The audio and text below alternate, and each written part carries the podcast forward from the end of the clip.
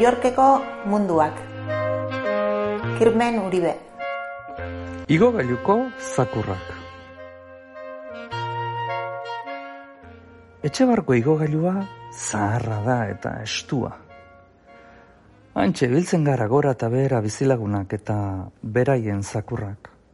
Ezen andana bizi baita gurean.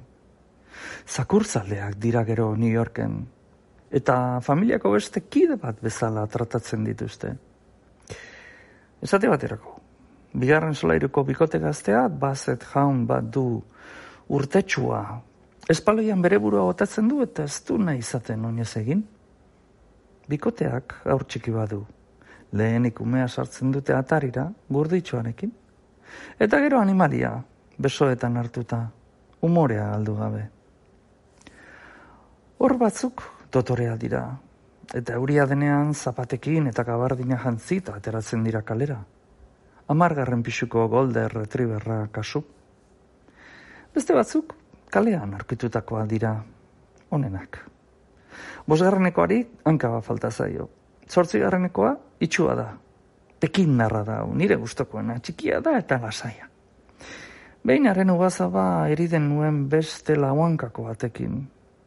Non dago lizi, galdetu nion.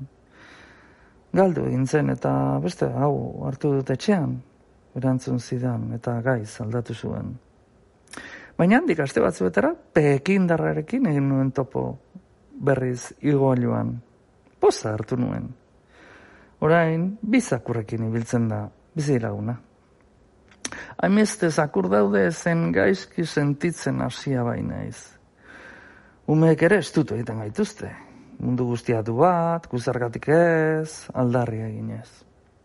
Baina, ez dakit, etxea txikia da, azkenean ni arduratuko nintzen maskotaz, kalera atera, jatekoa, gorotzak bildu, eta nahikoa lan badugu etxean. Zeigarnean, gizon bat bizi da. Atsegina da. Beti liburu bat du aldean. Nire kezka gotanian berari, azakur bat ekarri beharroten nuen azkenean.